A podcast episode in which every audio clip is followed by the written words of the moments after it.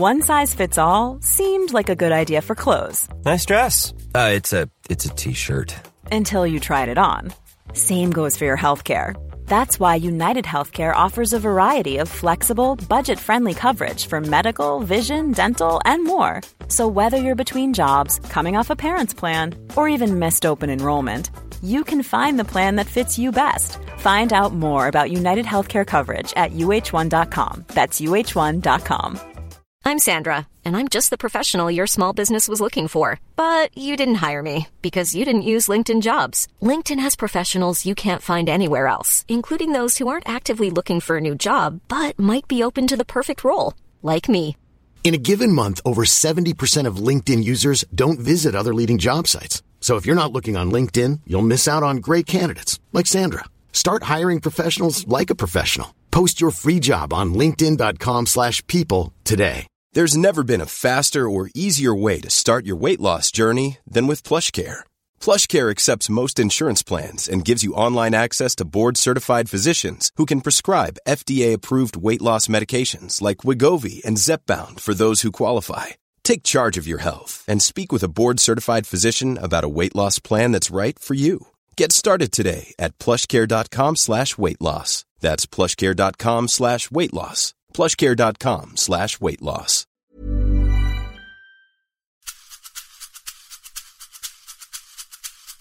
Det är nämligen så att män i minoritet av dem, ganska kraftig minoritet av dem som går ut universitet och högskola med akademisk examen. Det är bara en tredjedel som är män. Men när man är, samtidigt tittar på Sveriges chefer så är det bara en tredjedel som är kvinnor.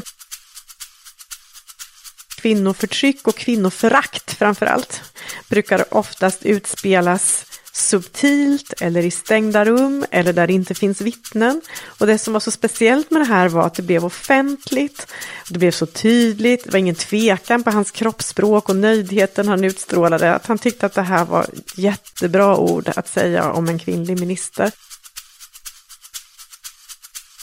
Det är fortfarande män som har eh, den yttersta makten i arbetslivet och i näringslivet, så måste det nog vara de som ändrar sitt beteende nu.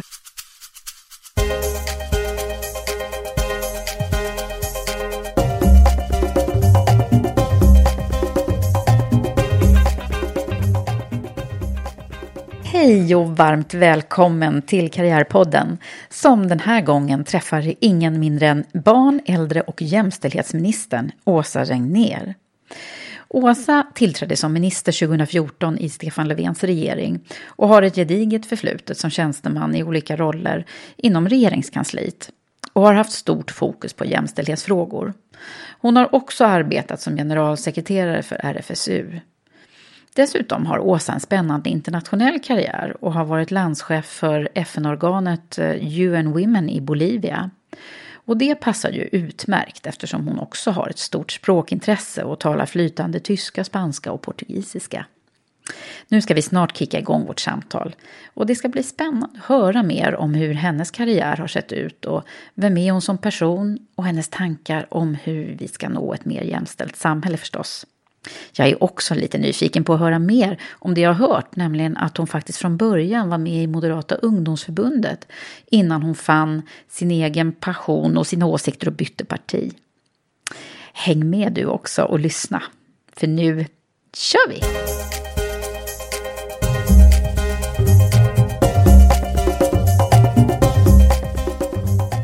Välkommen Åsa! Tack så mycket. Till Karriärpodden. Tack, det känns bra. Och det är jätteglad, jag är jätteglad över att du är här, för det är faktiskt, dels är det första gången jag intervjuar en minister, känns stort, och jag är extra glad över att det är just jämställdhetsministern, eller rättare sagt barn, äldre och jämställdhetsminister. Mm. Det är så det heter.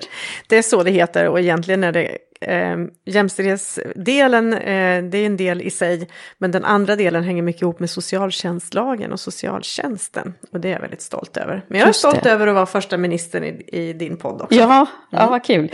Eh, och jag tänkte att vi skulle försöka få lära känna dig lite bättre. Och eh, eftersom jag då har den här rekryteringsbakgrunden så, så, så skulle jag vilja ska jag börja med att ställa en sån här riktigt klassisk rekryteringsfråga. Och det är, hur brukar man beskriva dig när man pratar om, när man, när man ska beskriva dig, dina mest utmärkande drag? Vad brukar man säga då? Ja, vad brukar man säga då? Jag ja. tror att man säger att eh, jag är ganska öppen, att eh, jag oftast är glad, att jag är noga med bakgrund och siffror eh, och att jag eh, är engagerad brukar man säga. Mm. Just det. Och sen har jag hört på flera eh, intervjuer just för jobb att eh, ja, det är ju inte revisor du ska bli. Det vill säga, jag tror att man också tänker att jag gillar stora drag. Eh, men i det jobb jag har nu så behöver man också vara intresserad av detaljer emellanåt. Därför att de kan påverka människors liv väldigt mycket. Ja, verkligen. Och det förstår man ju nästan då när man tittar lite på de jobben som du har haft. Men om man börjar från, från början, vad, vad, hur kom det sig att du hamnade i det här? Ja, det får man ju fråga statsministern om. Men jag har alltid varit väldigt engagerad i, i eh, samhällsutveckling och framförallt eh, all, en, den röda tråden är kvinnors och flickors rättigheter och jämställdhetsfrågor. Eh, och det har jag engagerat mig i och från början i, i eh, fel parti som jag, som jag tycker nu. För jag började faktiskt i eh, MUF och Moderaterna när jag var tonåring. Sant? Ja, jag tror att jag är den det första och enda socialdemokratiska statsrådet som började sin karriär i Moderaterna, men det är faktiskt sant.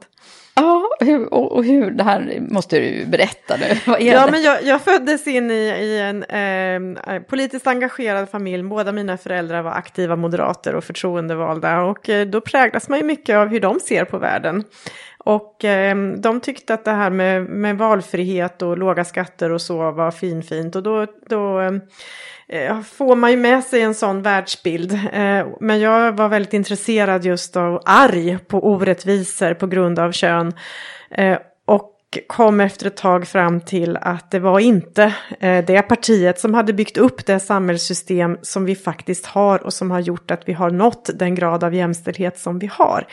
Den analysen gjorde jag. Mm. Och eh, tidigt då alltså, hur gammal var du? När ja, alltså när jag, när jag bestämde mig för att faktiskt byta, då var jag ungefär 20, för då läste jag i Tyskland, då läste jag sociologi, statskunskap och tysk litteratur och träffade tyska arga feminister där som inte för sitt liv kunde förstå varför jag valde bort det parti som de, eller den, den samhällsmodell ska jag säga, som de verkligen såg upp till när det gällde barnomsorg, särbeskattning, abortlagstiftning, som redan då nästan var en självklarhet för mig. Och jag hade inte förstått att det hade krävt kamp, organisering och mod, framförallt från kvinnor men också från vissa män. Jag, hade liksom, jag, jag tog det för givet och jag, då, när jag förstod att det hade krävt väldigt mycket arbete, tanke och framförallt ja, strid för de här rättigheterna, då bytte jag parti helt enkelt. Ja, vilken eh, övergång. Var du aktiv också i, i, i MUF och så innan alltså? Eh, ja, det var jag när jag var, men då var jag väldigt ung tycker jag ju nu, men tonåring helt ja, enkelt. Men ja. det som var bra med det var att jag lärde känna människor som jag fortfarande stor respekt för och jag tror att jag också tycker att det är på riktigt viktigt att skilja på sak och person och man kan verkligen respektera jag tycker man verkligen ska respektera människor som har kommit fram till ehm, eh, eh, en, ett politiskt ställningstagande och som vill engagera sig för ett bra samhälle utifrån vad man tror på. Man måste inte alltid ha samma uppfattningar om det, så länge man är demokratisk och värderar människor lika. Mm. Men vad, vad, så här, som tonåring, vad hände med, med föräldrarna och så? Och, och, gjorde du lite revolt där alltså? Nej, det var nog inte så mycket revolt. Jag hade, eh, båda mina föräldrar var högutbildade och det var faktiskt relativt ovanligt. Det kanske man inte heller tänker på nu att min mamma som var född på 30-talet som hade arbetarbakgrund också var akademiker. Och, och eh, för att hon hade väldigt stark, en väl fungerande eh, intellektuell förmåga och stark vilja. Eh, och eh, de tyckte, de var från en generation som tyckte att det var viktigt att engagera sig i politik och demokratiutveckling. Eh, så vi hade väldigt tuffa debatter, men stor respekt för att man just eh, trodde på någonting. Okej, okay, men det var där debatt, debattviljan då och... Ja, kanske faktiskt. Alltså, det, det, var väldigt viktigt och att man skulle läsa på. Men eh, det var inte, vad ska jag säga, Nej, vi hade mycket debatter, men det var helt okej.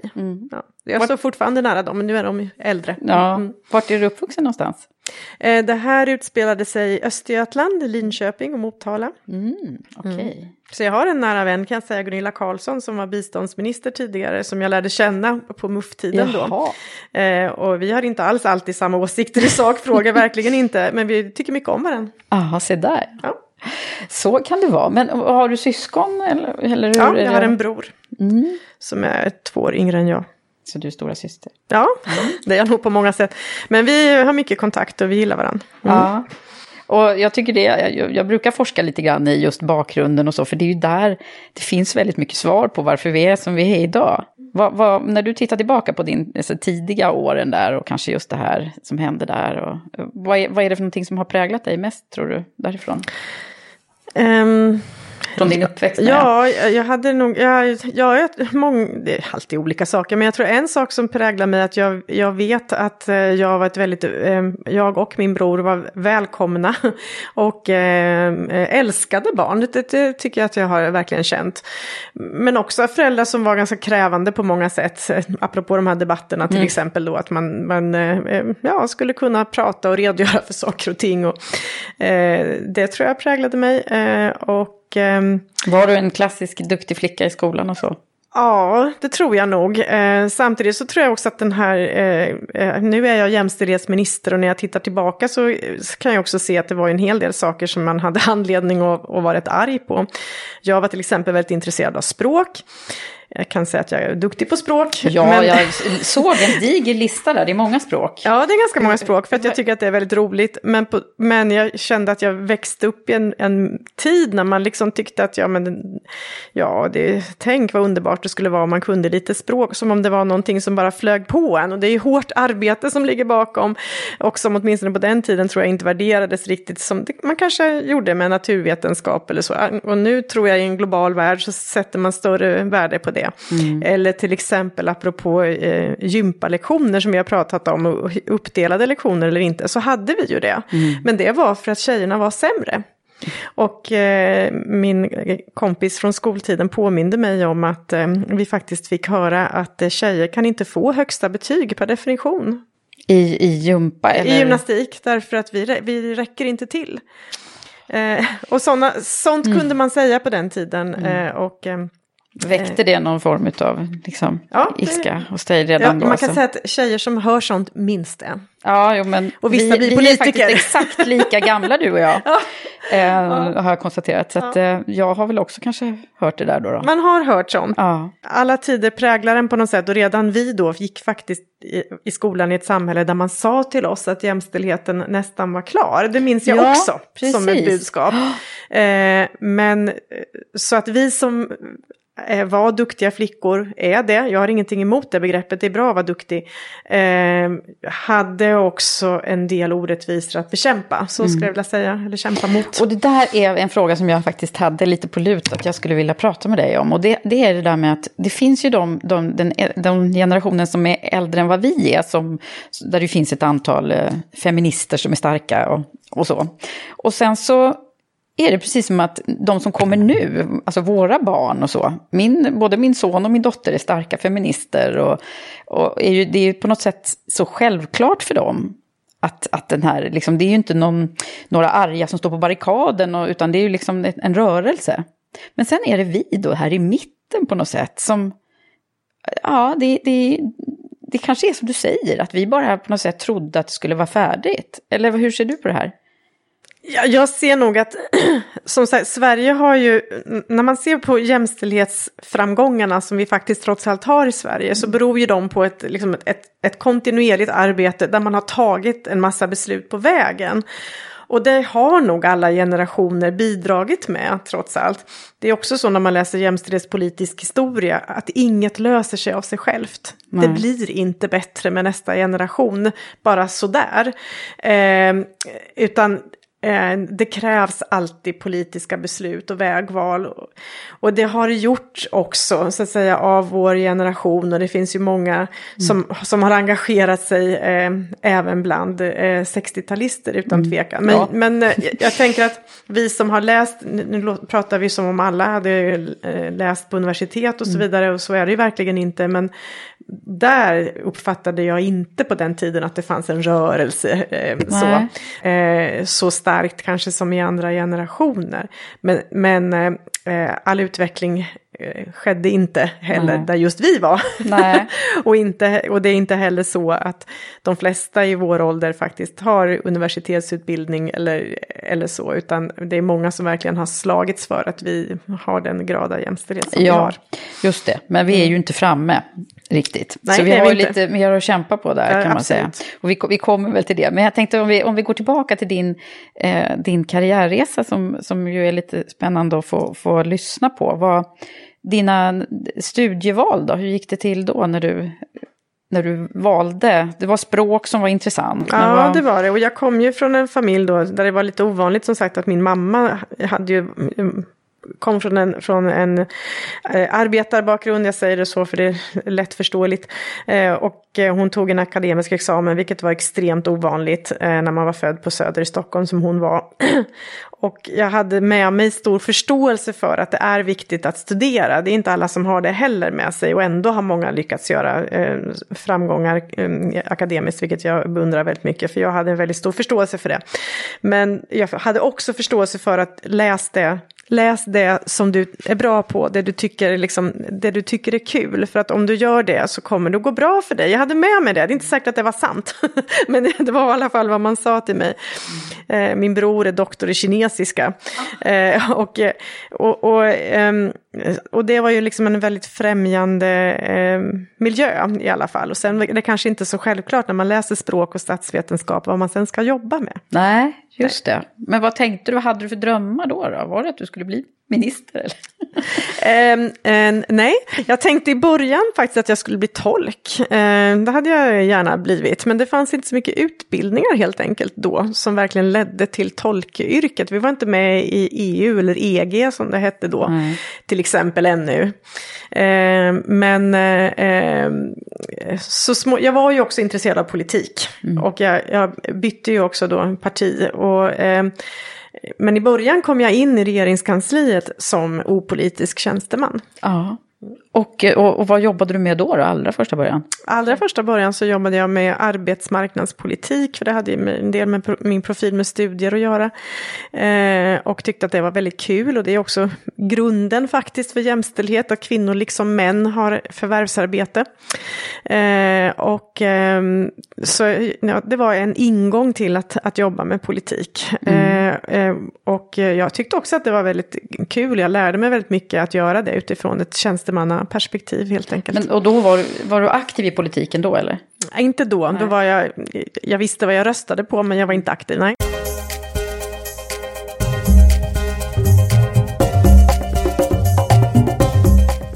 Men du, det, det, är ju spännande där med din, eh, och sen hamnade du i, i, vi kan inte gå igenom alla saker du har gjort tyvärr, men, men eh, Bolivia.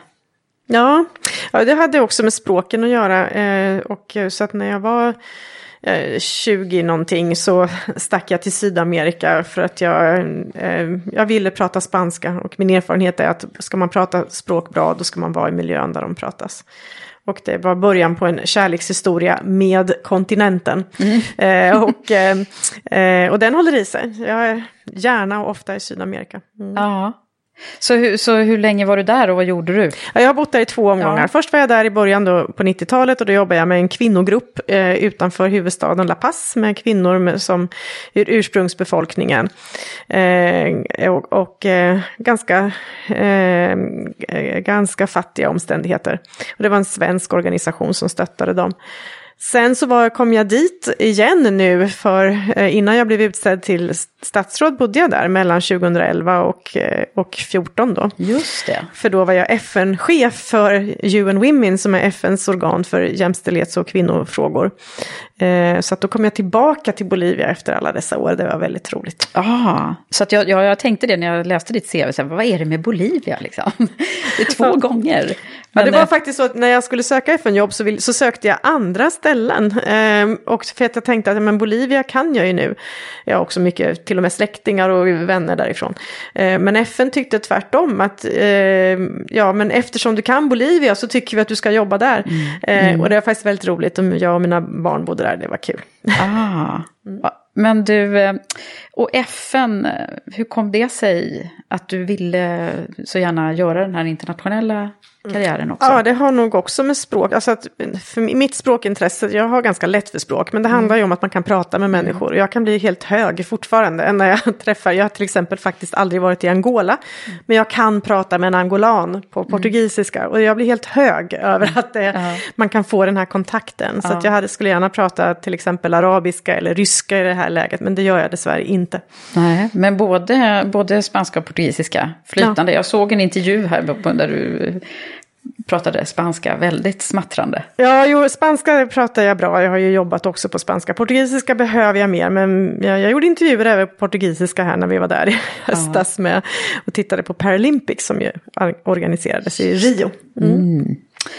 Men om man nu ska få något grepp om din, då har du ju jobbat i, i regeringskansliet under, bland annat under Göran Persson har jag förstått också. Ja, och det var ju en politisk tjänst. Då var det en politisk ja. tjänst, ja. Mm.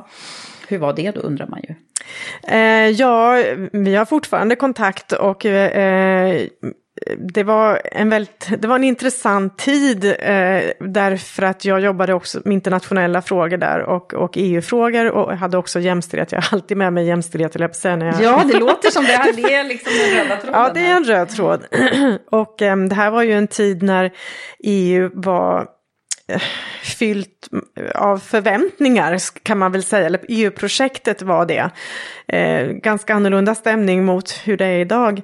Eh, men, så, och Sverige hade ordförandeskapet också för första gången 2001 och det var ju väldigt, väldigt spännande och, och roligt att vara med om det. Eh, och eh, ja, jag har alltid kommit väl överens med den förra statsministern, det gör jag mm. även med den nuvarande förstås, men, men mm. med den förra socialdemokratiska statsministern. Mm. Eh, så att ja, det var en väldigt lärorik tid kan man säga. Mm. Och, och, ledarskap, om vi nu ska glida in på det då, för det har du ju själv varit då i många, många år. Eh, vad, vad, vad, är din, eh, om jag fortsätter mina rekryteringsfrågor, vad, mm. hur, hur är du som ledare? Eh, ja, man, man, ska väl kanske alltid fråga dem som, som man då leder, men eh, jag hoppas att jag är tydlig. Jag tycker själv att jag, jag tycker att man ska, kan kräva det av ledare och av chefer. Det är inte alltid samma sak, men i alla fall. Att man, är, att man talar om vad man vill, att man är tydlig med det, att man är så konkret som möjligt, att man kan fatta beslut. Eh, men att man kan göra det efter att man har lyssnat på gruppen och eh, inhämtat vad, eh, vad man behöver ta hänsyn till och vad som faktiskt händer. Eh, men eh, ja, jag försöker, jag försöker vara ledare genom att både lyssna men också fatta beslut och göra det i tid. Mm. Mm. Det tycker jag är viktigt. Det låter ju så enkelt och bra det där. Men hur, om, man, om man nu eh, skulle titta på de som har varit viktiga för dig. Har du haft, vi brukar prata om att man har tidigt får någon sån här sponsor som liksom lyfter fram en och så. Att det är så viktigt att man får det ganska tidigt i karriären. Att det är någon som tror på en och så. Har du haft det så? Ja, jag har nog haft tur på det sättet. Jag har träffat flera personer som jag tycker har haft den rollen. Och då har jag antingen sett det samtidigt eller efteråt. Kanske man kan ja, säga. Ja, ibland mm. så, så kommer man på det lite senare. Ja, Oj, vad det där var viktigt liksom. Ja, faktiskt. Uh, ja. Men är det, har, har, du, har du liksom haft någon mentor och så som har, som har, som har stöttat dig? Nej, men en person som jag gärna lyfter fram som har haft och har stor betydelse för mig det är Margareta Winberg som mm. ju var jämställdhetsminister tidigare och arbetsmarknadsminister och jordbruksminister. Och, mm. eh, och hon är fortfarande en väldigt eh, hjärtlig kritiker, hur jag ska uttrycka det. Alltså någon ja. som, som talar eh, från hjärtat men också kan, kan påpeka det där kanske man kan tänka på så, på ett ja, sätt som jag, jag har väldigt stor respekt för henne och hon är en nära vän. Så om, om du har så här, riktigt kritiska problem med någonting där du känner att du skulle vilja bolla med någon som som du inte har i din egen organisation. Ringer du henne då eller? Ja, ibland förstås i regeringsarbete så kan man ju faktiskt, ska man inte prata med någon utanför Nej. kretsen. Men i den mån man behöver bolla, vilket vägval kan man göra nu, hur skulle du ha gjort och så vidare. Mm.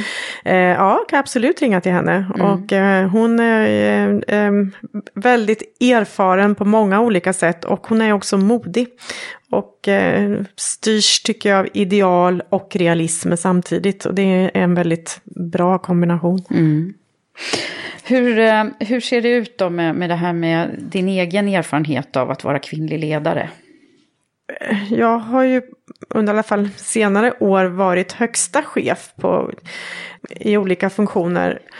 Och då blir man ju kanske mindre ifrågasatt eh, av organisationen vad man, om man skulle vara mellanchef eller så, tänker jag. Men jag tror att alla kvinnor, alldeles oavsett vilken position man har, har upplevelser av förminskning, behöva argumentera ännu mer, behöva på olika sätt eh, mera eh, stöd eller genomarbetade förslag. Eller, jag, jag tror mm. att det, det, är en upplevelse som kvinnor har. Det, ja. ja, och du har också det eller? Ja, det tycker jag nog. Har du något exempel när det har varit jobbigt? Eh, jag ska försöka tänka på det. Nej, men alltså, jag tror att de flesta som, som har chefstjänster eller som är ledare på andra sätt Eh, jag är ju ansvarig för äldreomsorg mm. och då reser jag ju runt i Sverige. Senast idag var jag på ett äldreboende här på Lidingö. Mm. Eh, och i äldreomsorgen idag så finns det många kvinnor som är eh, chefer som har väldigt stort ansvar för verksamheten och för många människor. Och jag tänker ofta att hade det varit mansdominerade yrken i äldreomsorgen eller socialtjänsten som jag har ansvar för så skulle man förmodligen organisera arbetet på ett annat sätt och ställa andra krav. Så många kvinnor som är chefer idag har nästan omänskliga krav på mm. sig. Eh, och ehm, eh, även jag har jobbat väldigt hårt, det ska man inte sticka under stol med. Jag har verkligen gjort det. Eh, och eh, det är jag säker på att du har gjort också, och många andra. Eh, och, och, ja, så är det helt enkelt. Mm. Och, och, ibland har, behöver man kanske arbeta mer än vad män behöver. Mm. Just det. Mm. Ja, och sen är vi ju bäst i världen då, säger man nästan, va, på jämställdheten. Vi eh, ja, du kan väl Allbrights siffror utan till och jag kan det faktiskt också numera. Att det, att det är bara, jag tycker den mest anmärkningsvärda siffran är ju 6 eh, procent på, på vd i, eh, vd-nivån i högsta chefen, i högsta ledningen i Sveriges börsbolag. Mm. Ja. Den är, den är ju inte speciellt, och så är vi bäst i världen. Jag får liksom inte ihop det.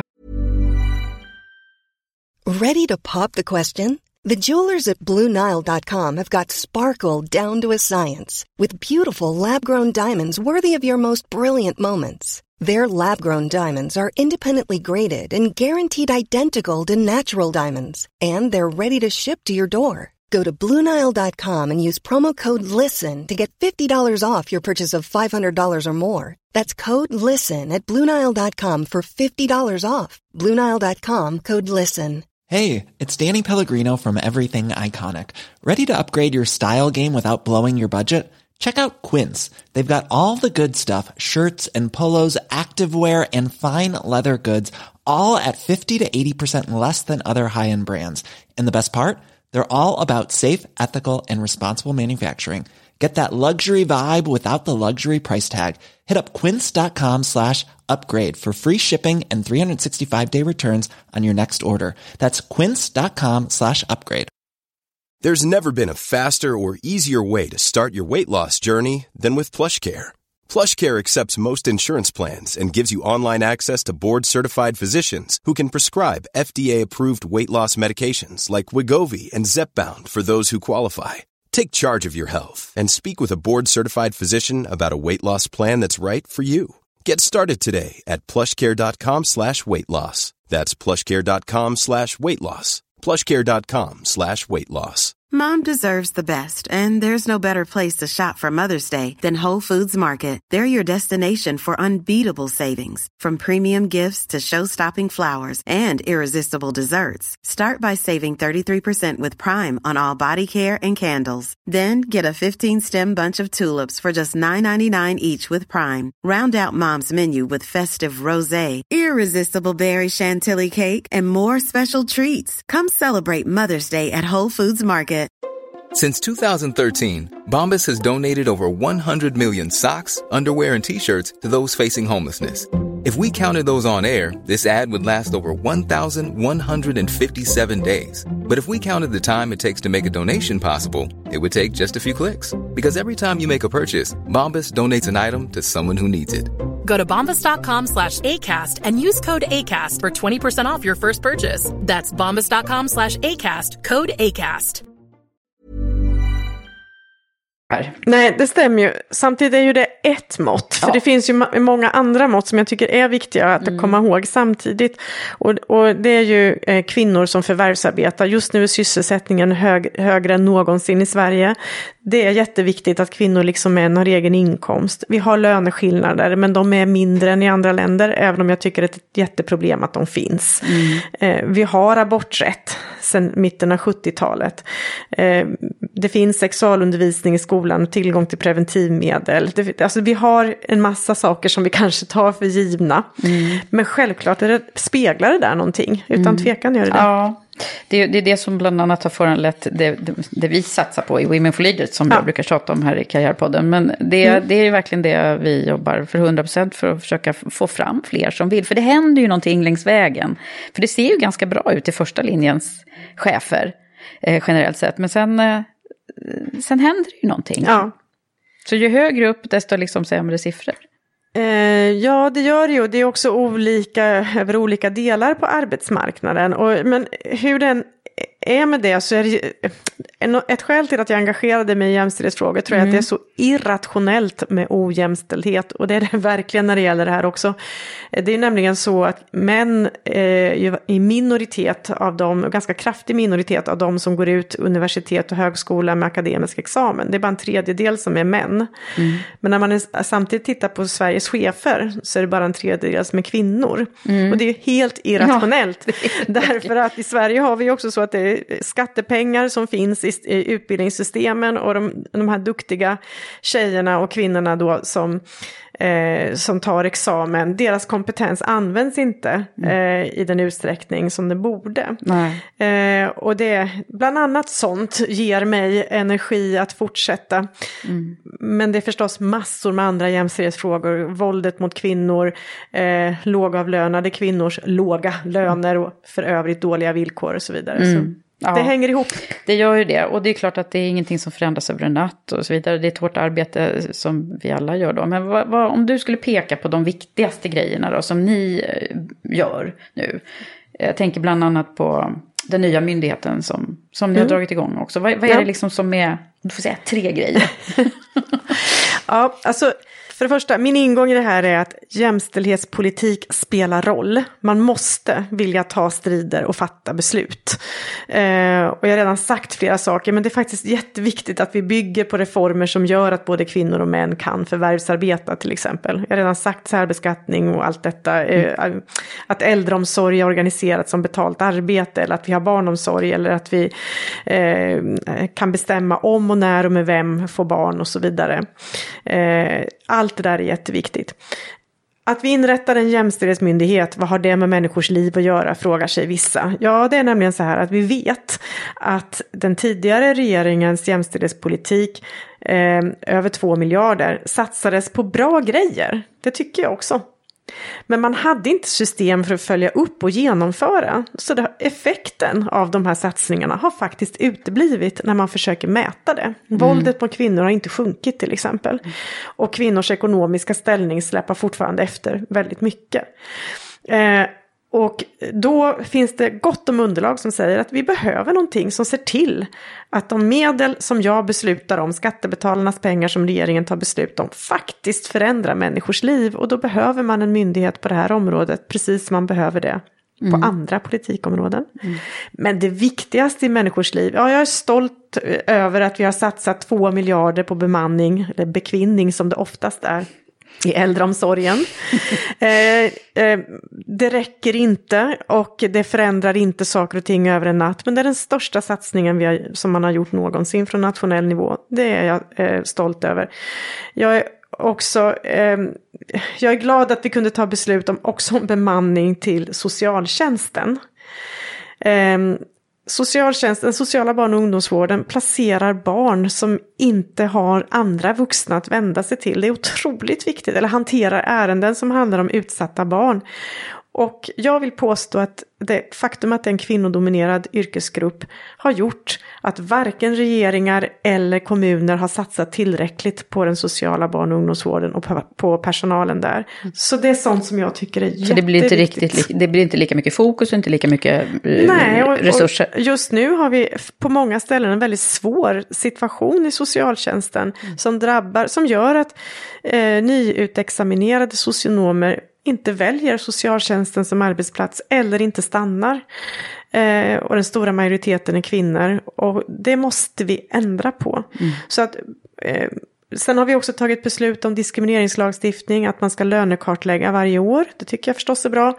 Men man ska också kartlägga befattningar på arbetsplatser. Hur kommer det sig att vissa befattningar är kvinno respektive mansdominerade? Och så ska mm. man kunna tala om att det är sakligt.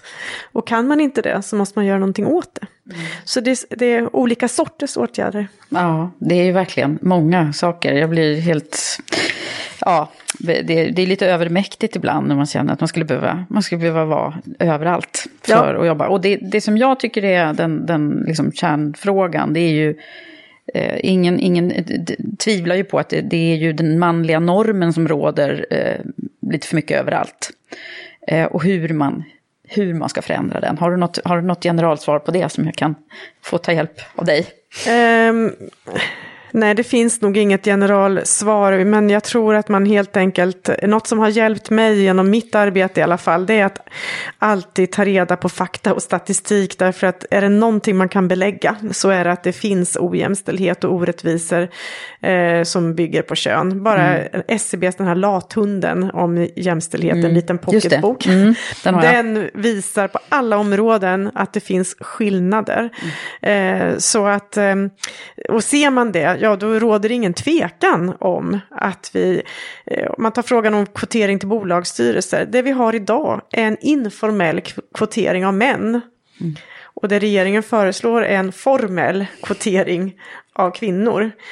Det första möter väldigt lite motstånd, det andra möter motstånd. Ja, mm, det kanske handlar om att mm. ändra en norm. Ja, den där frågan känns ju som att den, den är en av de det kärnfrågorna verkligen som alla vill prata om. Och jag känner att det, det finns många fler saker som... Eh, för där är ju en, det är ju ett hundratal kvinnor som det handlar om. Eh, och vi är ju några till som vi behöver lyfta och, och så.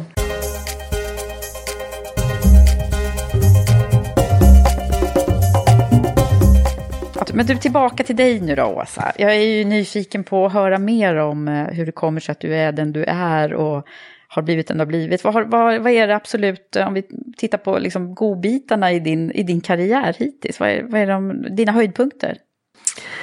Oj, det var en spännande fråga. Eh, ja, jag tycker att jag, det, jag tänker att det, jag har drivits av eh, rättvisepatos när det gäller jämställdhetsfrågor. Men sen vill jag också vara med när det händer. Det har jag alltid velat. Och det mm. tror jag har, det har gjort att jag jobbar mycket. Men det har också gjort att jag har eh, träffat människor och jag har liksom lärt mig mycket saker. Eh, och ja, det har varit faktiskt en viktig drivkraft mm. för mig. Är det någon situation som har varit så här, åh, det där var kanske avgörande för eh, hur det skulle bli för dig eller Alltså någon personlig eh, sak som har varit viktigt för dig? Ja, det är klart att det har. Eh, men eh, ja, vi satt och pratade faktiskt om det idag tidigare på jobbet, att man hinner vara med om så mycket i den sortens jobb, så man kan ja. riktigt sortera ut någonting. Ja. Men, men alltså, att, att jag har alltid velat vara med där det händer, därför att jag också vill eh, faktiskt påverka det som händer. Och eh, det har jag ju haft möjligheter att göra. Det jag själv tycker är, är liksom roligt, eh, har varit bra för mig, det är att jag, har, jag, jag vet hur en regering fungerar. Jag vet hur ett regeringskansli fungerar. Jag har varit chef för en frivilligorganisation. Jag har varit chef för en FN-myndighet. Eh, och nu är jag statsråd. Och den här bakgrunden har, tycker jag har hjälpt mig att kunna se många olika sidor eh, av, av, av problem. Och, och det hjälper mig faktiskt mm. också. Har det varit en medveten någonstans, en medveten karriär, karriärplanering? Nej, jag har inte haft den. När jag gör intervjuer eller för jobb, mm. eh, då reser jag alltid ragg när man får så här, vad ser du dig själv om ja, fem år? Eller hur? Därför att jag mm. har, men jag har nog varit rätt så orädd när jag har fått frågan och jag ifrågasätter väldigt mycket att man säger att, att kvinnor inte vill. Eh, jag tror visst att kvinnor vill, men mm. man måste kanske också ha förutsättningar. Mm. Ja, fast det där har vi ju fortfarande. Jag trodde att, eh, jag som har träffat, intervjuat mycket, både kvinnor och män. Tänker att nu har vi väl ändå kommit ifrån det här med att kvinnor inte liksom söker de jobben som man måste bocka av alla, alla parametrar och så eh, i kravprofilerna. Men, nej, men någonstans så är det ju eh, så att eh, kvinnor behöver liksom kliva fram eh, lite mera eller ja, ta för sig. Fast jag tycker inte att det handlar om det. Jag nej. tycker att det handlar om att män måste kliva undan lite mer och se sig själva när man rekryterar sådana som är eh, precis som man själv och eh, att helt enkelt se kompetensen där den finns. Mm. Eh, eftersom det är fortfarande män som har eh, den yttersta makten i arbetslivet och i näringslivet så måste det nog vara de som ändrar sitt beteende nu. Och jag tycker att när jag pratar med företrädare för näringslivet, vilket jag gör ganska ofta, så, så ser de det nog också så. Det är bara att vi har olika syn på metoderna. De menar att det här kommer att lösa sig av sig självt och det säger jag att nej, historien visar inte att det någonsin har gjort det förut. Och gör det det så tar det så lång tid mm. så ingen av oss kommer upp uppleva det. Och det är inte jag nöjd med.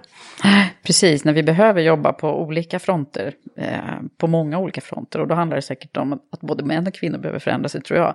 Men eh, det är som sagt var, man kan inte bara jobba med en, en grupp. Eh, men det här med, det tycker jag är lite intressant, det här med, ska, ska kvinnor eh, behöva bli som män?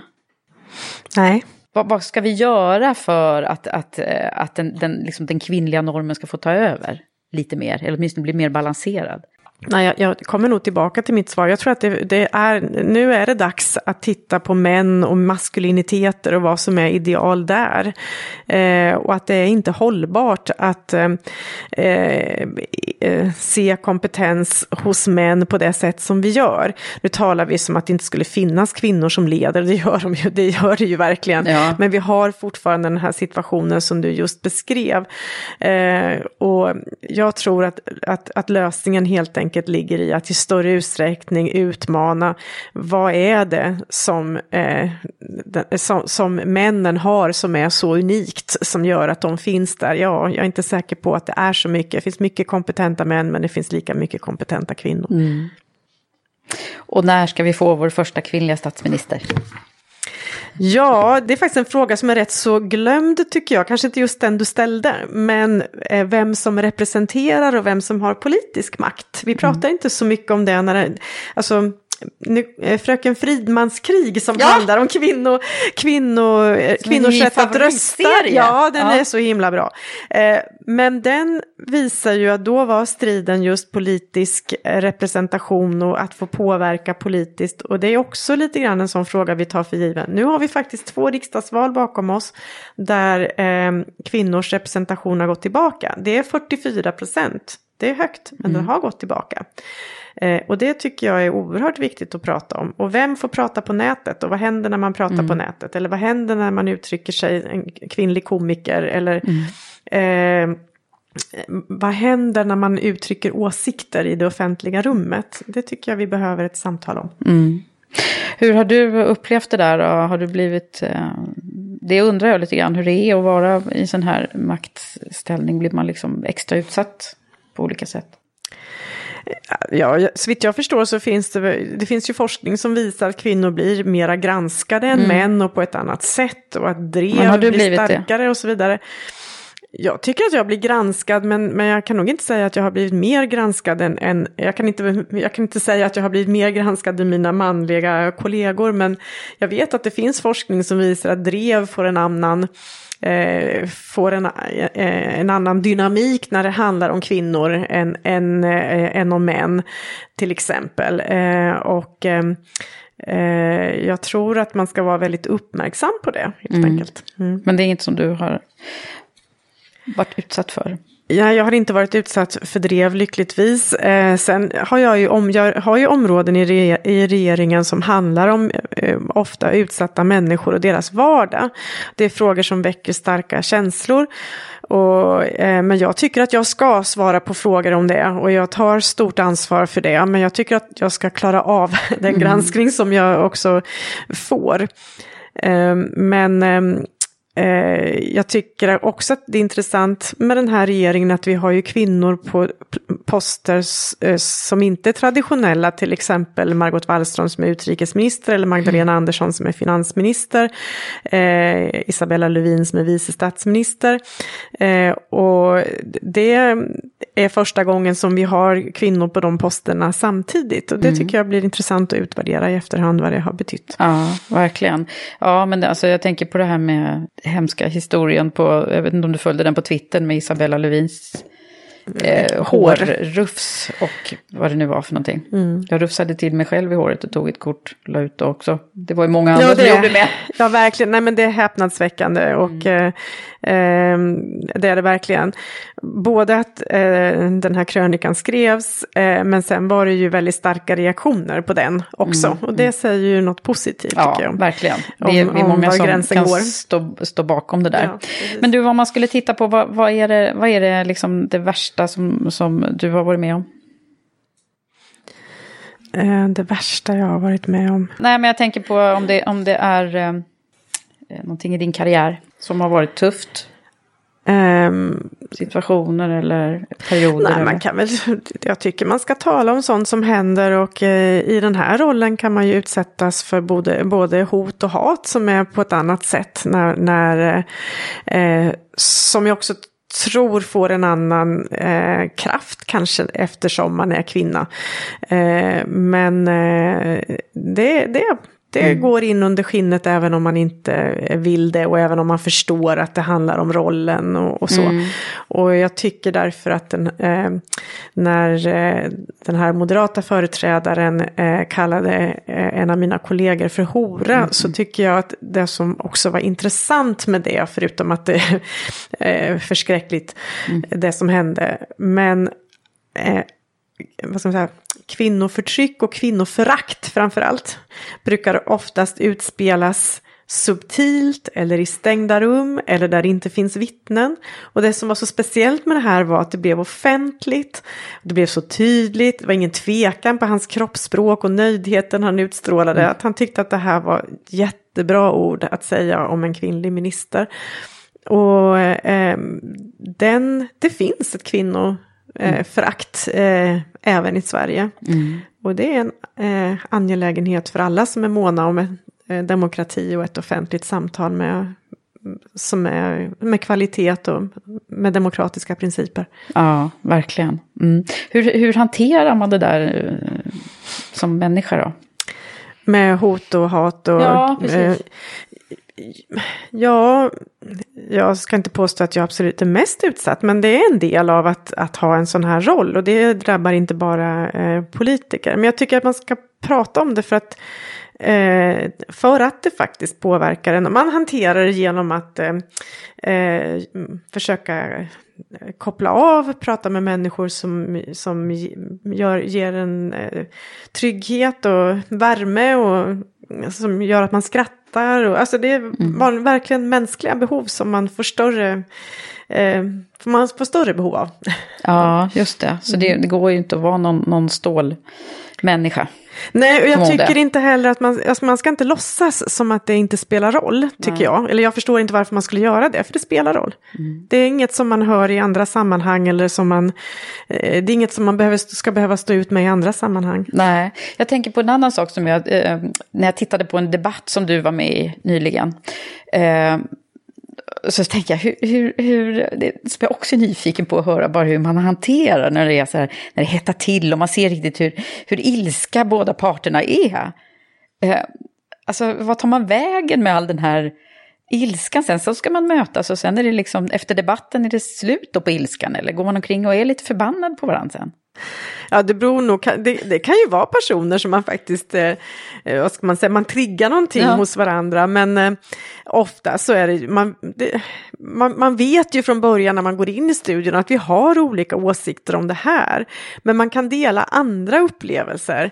Eh, och, eh, och, och jag tror att man, man försöker ofta att eh, önskar varandra god jul eller man frågar någonting om familjen eller man säger, jag, och jag är en varm anhängare av att en demokrati behöver, eh, behöver ju alla de här rösterna och man, sk man ska känna sig trygg och respekterad i det. Så jag tycker att det, är- det är ganska eh, roligt att hitta eh, vad ska man säga, människor som man kan tala med på den andra sidan. Jag tycker Mm. det är viktigt och jag tror också att vi behöver mer av det. Så att oftast så, så är vi ehm, kompisar kanske jag inte ska säga, men jag, jag försöker alltid tänka på att man försöker hitta något att skratta åt eller... Så man kan eh, ha den där glimten i ögat när det, Ja, det när tycker det är jag. slut? Jag Ja. tycker faktiskt verkligen det. Eh, sen är ju värderingsskillnader på riktigt. Eh, jag kommer aldrig i livet att eh, ha överseende, höll jag på att säga, med vårdnadsbidrag eller andra saker som skickar hem kvinnor till medeltiden eller där Nej, skattebetalarna det var ska just betala den tror jag att debatten jag hörde faktiskt. Ja, alltså att, att eh, skattebetalarna ska betala för att kvinnor håller sig undan arbetsmarknaden, det, det gör mig ju arg. Ja. Det är därför jag sitter där jag sitter tror jag. Men jag kan ju ändå ha, ha respekt för att någon annan har den åsikten. Det är två olika saker. Men är du en känslomänniska som har liksom, Ja. här, lätt till eh, både ilska och skratt? Ja, det har jag. Alltså, Mm. jag. Ja, jag är en känslomänniska, eh, men, men det är för mig i det, i det politiska och i andra samtal så är det viktigt att, att utgå från från fakta. Jag läser ganska mycket eh, forskning och, och eh, statistik och så vidare. För att jag tycker att det är viktigt att veta om var befinner vi oss och vart ska vi ta oss em, i, i, frågor som man har ansvar för. Och jag är lite förfärad över att eh, det finns en debatt som är helt opåverkad av, av fakta just nu. Mm. Ja, det är bra. Man ska ha, veta vad man pratar om. Men, det. men Mm. du, eh, nu så börjar, ska vi ta och börja runda av. Och jag känner att eh, det skulle jag vilja fråga lite mer om. Är det verkligen så att du springer varje morgon? Jag springer varje morgon när jag kan och det är ganska ofta. Så att i morse har jag sprungit här i mörkret till det exempel. är Ja, det har jag gjort. Men jag mår väldigt bra av det och eh, jag har gjort det i hela mitt vuxna liv, även när det var otrendigt. Ah, så du, är du sån maratonlöperska eller är det... Nej, jag har aldrig förstått varför man ska springa över fyra mil. Nej. Nej, jag springer tvärtom så springer jag för mig själv och eh, jag springer ganska fort och ganska länge. Men jag springer bara för att det händer saker i min hjärna. Jag kan skriva ett tal fast jag springer eller jag kan komma på att det här är ju grejen. Eller ja, det är bara, det är som att borsta tänderna för mig. Jag bara måste göra det. Jag har nog mycket energi Ja. faktiskt från början. Vad, vad är dina, om du nu ska ringa in några sådär, eh, om vi tänker på att jag har många eh, kvinnliga lyssnare och många, många unga kvinnor också, inte bara, men eh, vad, vad, vad har du för goda kloka råd att, att ge? Ja, jag, jag, jag tror det här som, som vanligt att eh, tro verkligen på att du själv har någonting att erbjuda. Om du tycker det så har du det. eh, och eh, läs på, om jag ska säga sånt som har funkat för Mm, mig. Ja, det, jag det. återkommer till det, men för Mm. mig har det funkat. Läs på, vet vad du talar om. Ehm, och eh, var modig och våga, våga fatta beslut utifrån det som du, som du då ehm, eh, vill göra och som du vet att du, att du kan. Och många, väldigt många kvinnor gör ju faktiskt det. Mm. Eh, de vet både vad de vill och de kan, eh, har, har, ofta väldigt bra bakgrund för det de håller på med. Ehm, och ehm, jag, jag, ja, jag tycker att det är viktigt. Och sen tycker jag också att ehm, det finns också nästan alltid män som, man, som, är, ja, som är bröder på riktigt. Eh, och det är, det bästa tror jag är om man samarbetar eh, och, och eh, eh, hittar de där vännerna på olika sätt. Mm. Både kvinnor eh, och män. I mitt, mitt arbetsliv har jag definitivt också haft män som har sett mig och, och eh, lyft fram mig. Mm. mm. Ja, vad bra. Och sen så brukar jag också fråga vad, vad har du för livsmotto? Nej, men jag tror nog faktiskt, eh, eh, som jag sa från början, min, jag tror att mina föräldrar växte upp i en generation efter andra världskriget där de nästan tyckte att man hade ansvar för att engagera sig politiskt. Och jag vet inte om jag är så sträng, men jag tycker nog att har du någonting som du vill säga, gör det då. Det är viktigt. Demokratin bygger på att folk engagerar sig, annars blir det inget. Mm. Bra där. Tack så jättemycket Rosa för att du har varit med i Karriärpodden hos mig. Tack själv.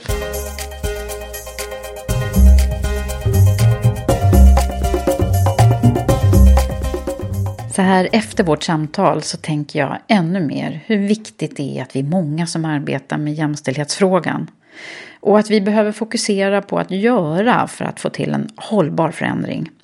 Precis som i Fröken Frimans krig som sändes på SVT nu under helgerna.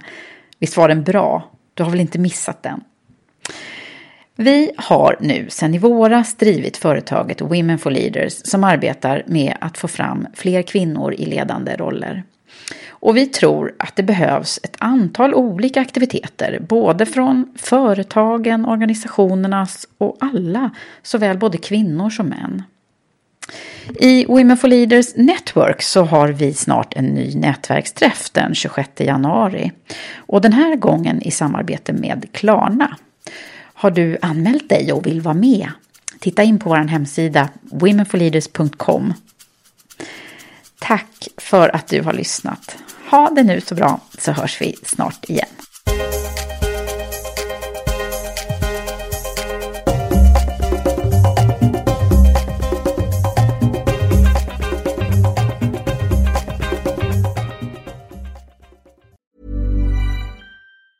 Hi, I'm Daniel, founder of Pretty Litter. Did you know cats tend to hide symptoms of sickness and pain? I learned this the hard way after losing my cat, Gingy. So I created Pretty Litter, a health monitoring litter that helps detect early signs of illness by changing colors, saving you money and potentially your cat's life. Pretty Litter is veterinarian developed, and it's the easiest way to keep tabs on your fur baby's health right at home. Go to prettylitter.com and use code ACAST for 20% off your first order and a free cat toy. Terms and conditions apply. See site for details. Even when we're on a budget, we still deserve nice things. Quince is a place to scoop up stunning high end goods for 50 to 80% less than similar brands. They have buttery soft cashmere sweaters starting at $50, luxurious Italian leather bags, and so much more. Plus, Quince only works with factories that use safe, ethical, and responsible manufacturing. Get the high-end goods you'll love without the high price tag with Quince. Go to quince.com/style for free shipping and 365 day returns. Mom deserves the best, and there's no better place to shop for Mother's Day than Whole Foods Market. They're your destination for unbeatable savings, from premium gifts to show-stopping flowers and irresistible desserts. Start by saving 33% with Prime on all body care and candles. Then get a 15-stem bunch of tulips for just $9.99 each with Prime. Round out Mom's menu with festive rosé, irresistible berry chantilly cake, and more special treats. Come celebrate Mother's Day at Whole Foods Market.